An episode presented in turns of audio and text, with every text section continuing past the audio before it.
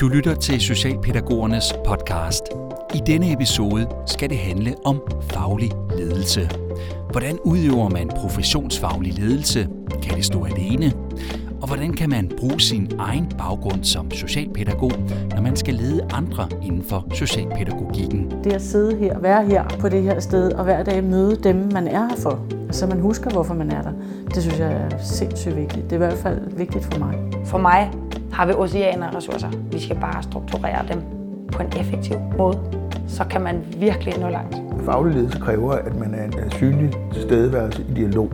Man skal være tydelig, klar, give det retning. Du kan møde to socialpædagogiske ledere. Den ene ansat ved regionerne, den anden i det private, og høre deres erfaringer med faglig ledelse. Derudover deler en forsker sine tanker om, hvorfor der er fokus på faglig ledelse i disse år, og om det bliver ved med at være sådan. Velkommen til.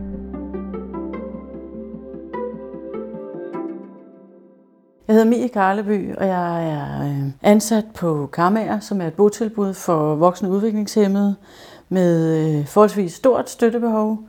Og det betyder, at øh, de 40 beboere øh, har brug for hjælp fra omkring 120 medarbejdere, som er ansat her. Jeg har været her på Karmager i, øh, i 11 år efterhånden, og, og har stort set altid arbejdet med, øh, med udviklingshemmede. Men faglig ledelse handler for mig om at have en, øh, en personlig, for mig, faglig profil. Altså jeg har dels en interesse for området, jeg har dels en viden om området, og så har jeg jo dels en masse meninger om, hvad jeg synes er god pædagogik på det her område. Så det til sammen med min ledelsesopgave og ledelsesuddannelse, øh, erfaring, gør, tænker jeg, at jeg har en faglig profil som leder.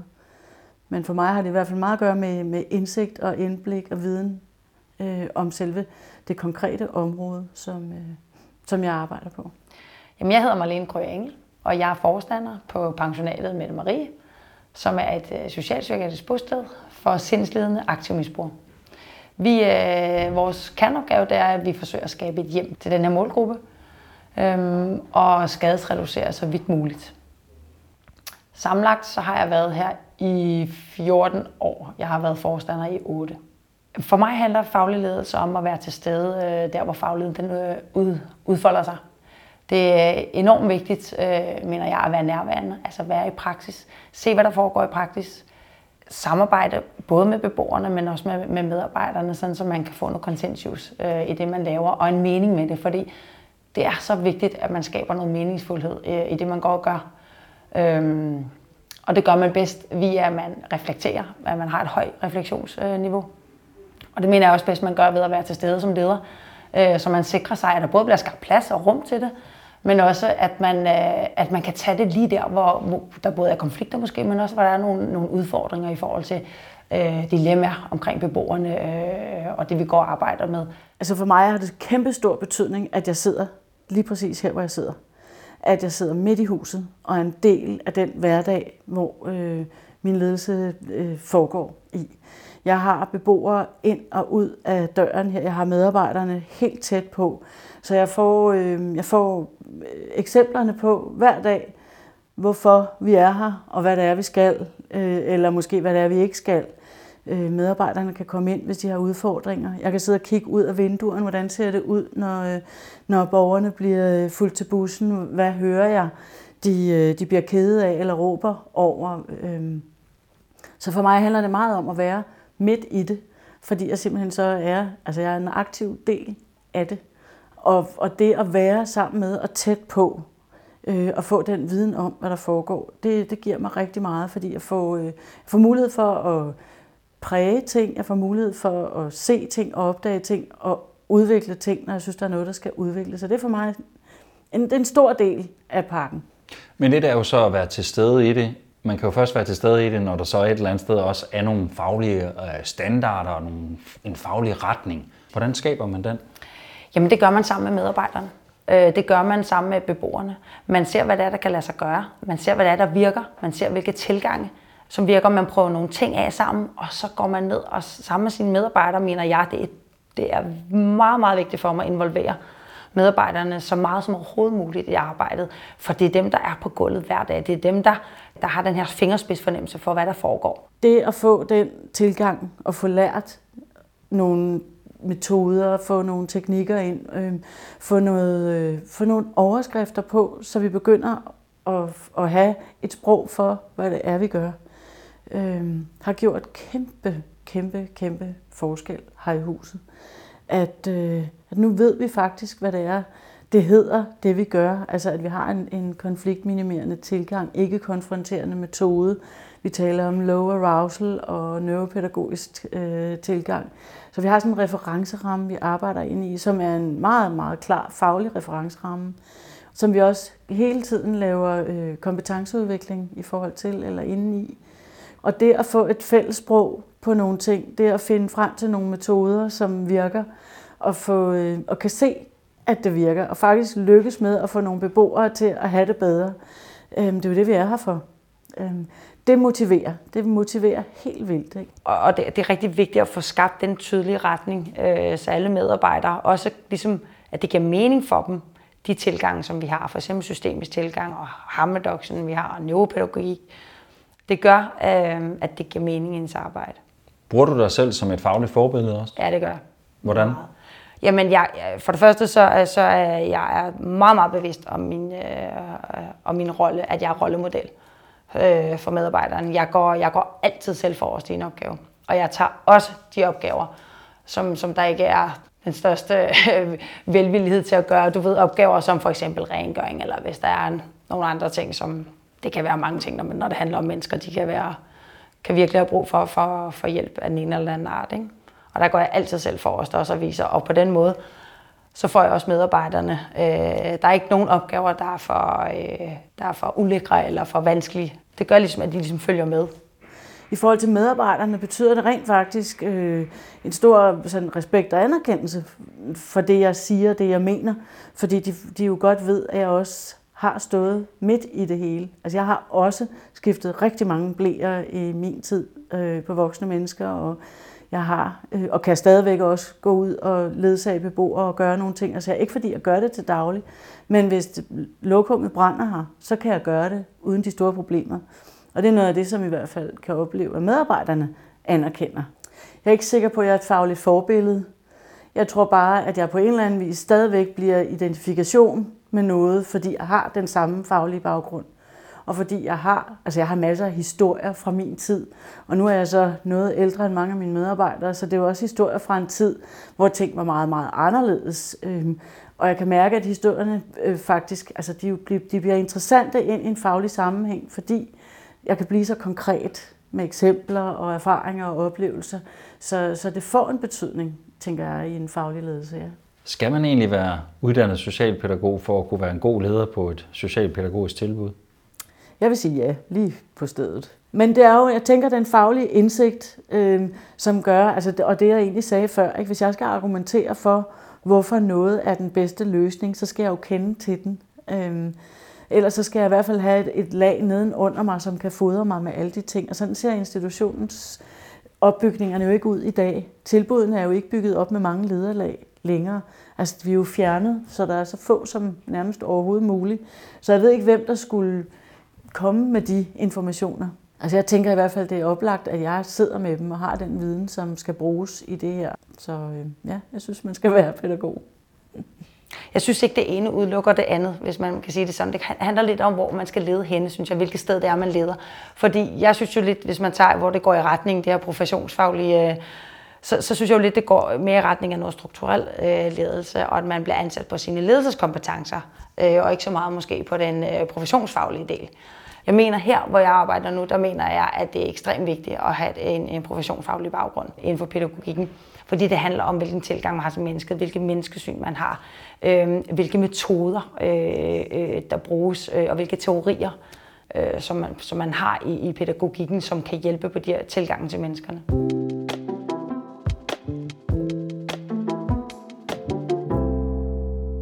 Nu skal du også møde Søren Voksted, som er lektor på Syddansk Universitet og som har forsket i faglig ledelse og frontlinjeledelse. Vi starter i hans bogreol, som er fyldt med faglitteratur og tykke teoretiske bøger. Jeg faktisk godt tænke mig at komme med et eksempel. Et eksempel, som viser, hvordan man skrev om ledelse for bare nogle få år siden. Det er en bog omkring sundhedsledelse. Ledelse i sundhedsvæsenet hedder den, øh, på hospitaler, kommuner i praksis. Og der er der så nogle anbefalinger til ledelsen. Og en af de anbefalinger, det er, hold fagligheden på afstand. Der skal tilrettelægges processer, hvor fagpersoner alene indgår som ressourcepersoner og ikke deltager i ledelsen af de innovative processer. Den faglige vanetænkning skal brydes.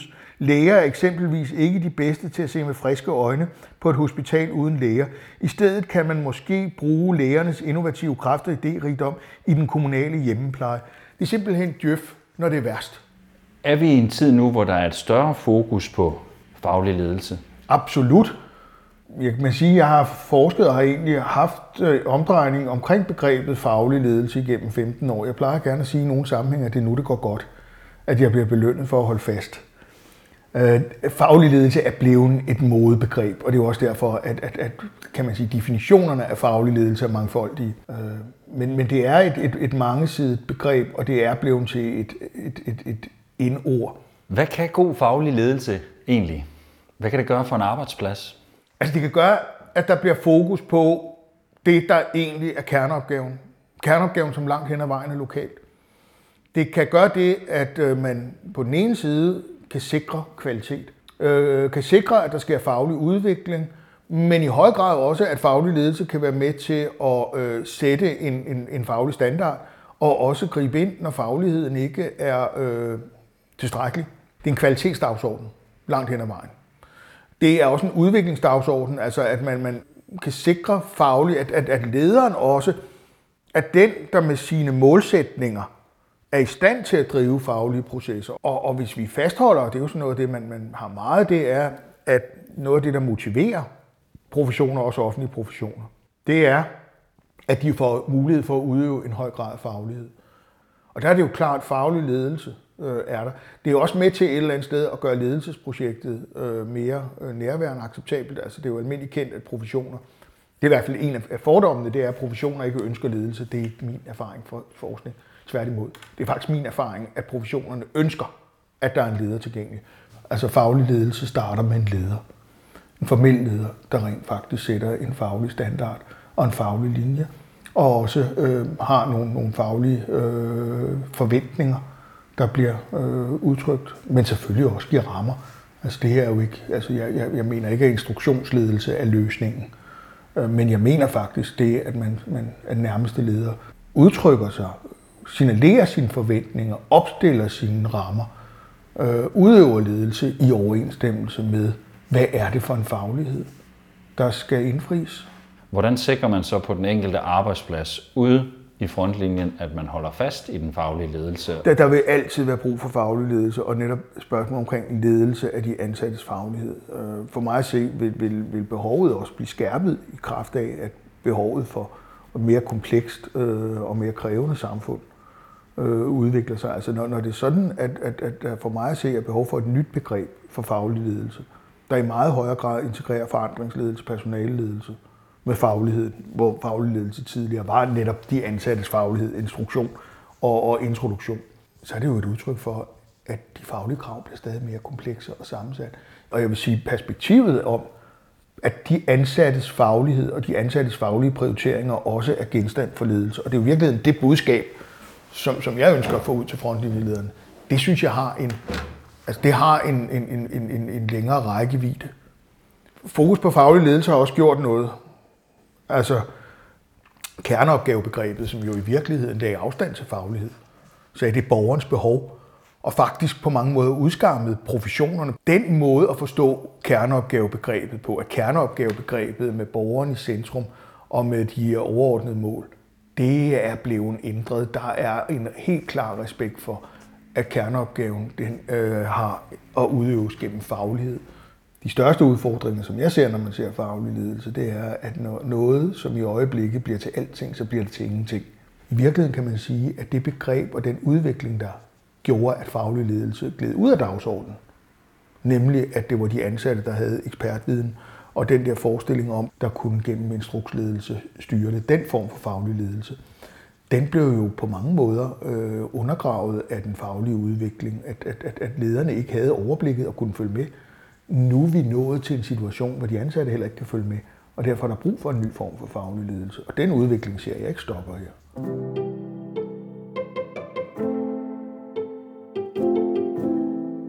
På Kammager i Kastrup og pensionatet Mette Marie i Vandløse er både Mie Karleby og Marlene Kryer Engel enige med Søren Voksted i, at faglig ledelse udvikler sig, og at det som leder er vigtigt at følge med og være omstillingsparat. Også fordi der sker jo hele tiden en masse ud i samfundet, så hele tiden også være lydhør over for, hvad er det lige nu, der er, der er, der er oppe, og hvad er der evidens for, og, og kunne det give mening at afprøve de her tilgange eller, eller teorier, øh, som, der nu, som man nu har, har, har afprøvet andre steder, som kan have god gavnlig effekt? Øh, på noget livskvalitet hos beboerne, så synes jeg, det er enormt vigtigt, at man er omstillingsparat, og man involverer medarbejderne i, hvordan kan det så rent praktisk lade sig gøre her? Skal vi, skal vi prøve det af i, i to-tre måneder, og så, tager vi, så samler vi al vores viden omkring det, og så tager vi det op sammen og finder ud af, om det er en vej, vi skal gå. Så, så jeg mener, det er rigtig vigtigt, at man ikke låser sig fast i en bestemt måde, man kører tingene på, fordi mennesker forandrer sig hverdagen forandrer sig, samfundet forandrer sig jo hele tiden og udvikler sig. Så man, man skal passe på, at man ikke låser sig fast på nogle bestemte tilgange og teorier, men være omstillingsparat. Altså, så tænker jeg i hvert fald, så er vores tilbud efterhånden så kæmpe store, så, øh, så man er nødt til også at have noget af alt det her management øh, med. Altså, du kan ikke være en leder uden at interessere dig for økonomi.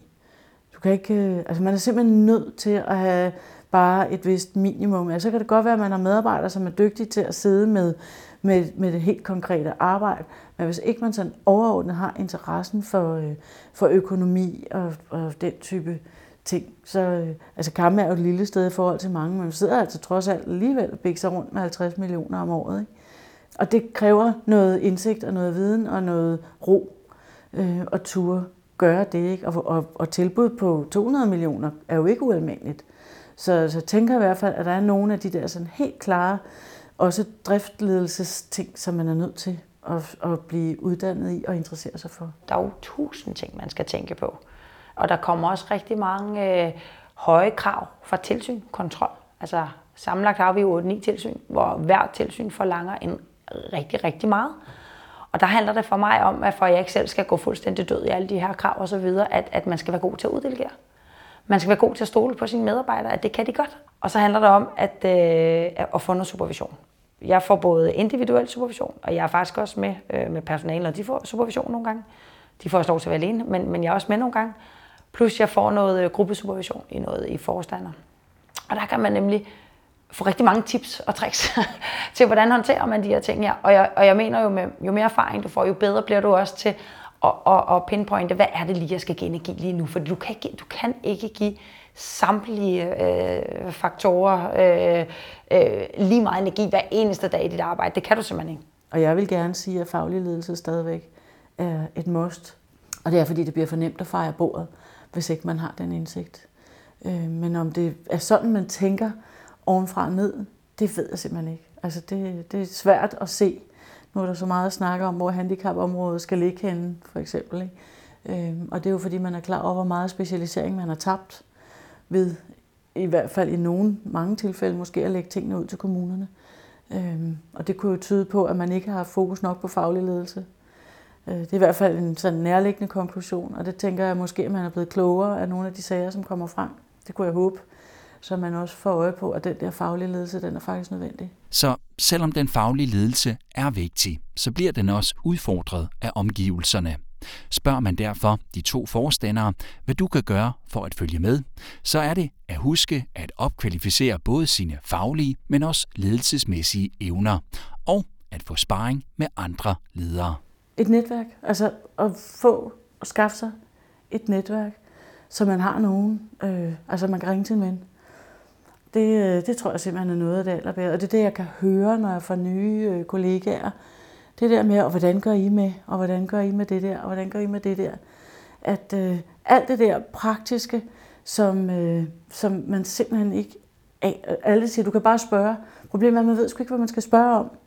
Øhm, sådan på forhånd, men når man står i det, så er det dejligt at have en ven at kunne ringe til.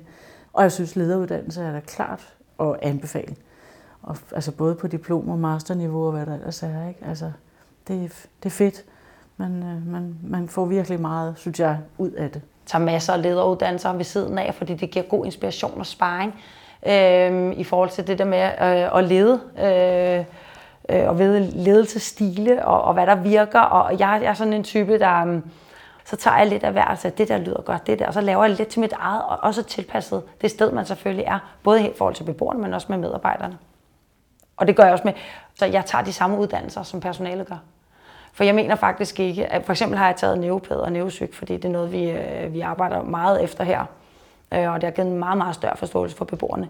Det mener jeg er, er også nødvendigt, at jeg selv tager, for jeg kan være med i de faglige refleksioner omkring det, øh, og, og højne kvaliteten i vores faglighed. Så mener jeg også, at, øh, at jeg kan ikke stå og spille klog på noget, som jeg egentlig ikke har taget uddannelse i, som medarbejderen har. Og måske endda også få noget faglig øh, supervision og sparring. Altså hvis det er en mulighed, er det simpelthen en gave. Du har lyttet til Socialpædagogernes podcast. Du kan finde mere inspiration i Socialpædagogernes faglige univers på sl.dk-fagligt fokus. Du kan også finde mere om Socialpædagogernes tilbud til dig som leder på sl.dk-leder. Og så er der flere episoder af Socialpædagogernes podcast i din foretrukne podcast-app. Denne episode var tilrettelagt og produceret af Loud Media. Mit navn er Tue Sørensen. Tak fordi du lyttede med.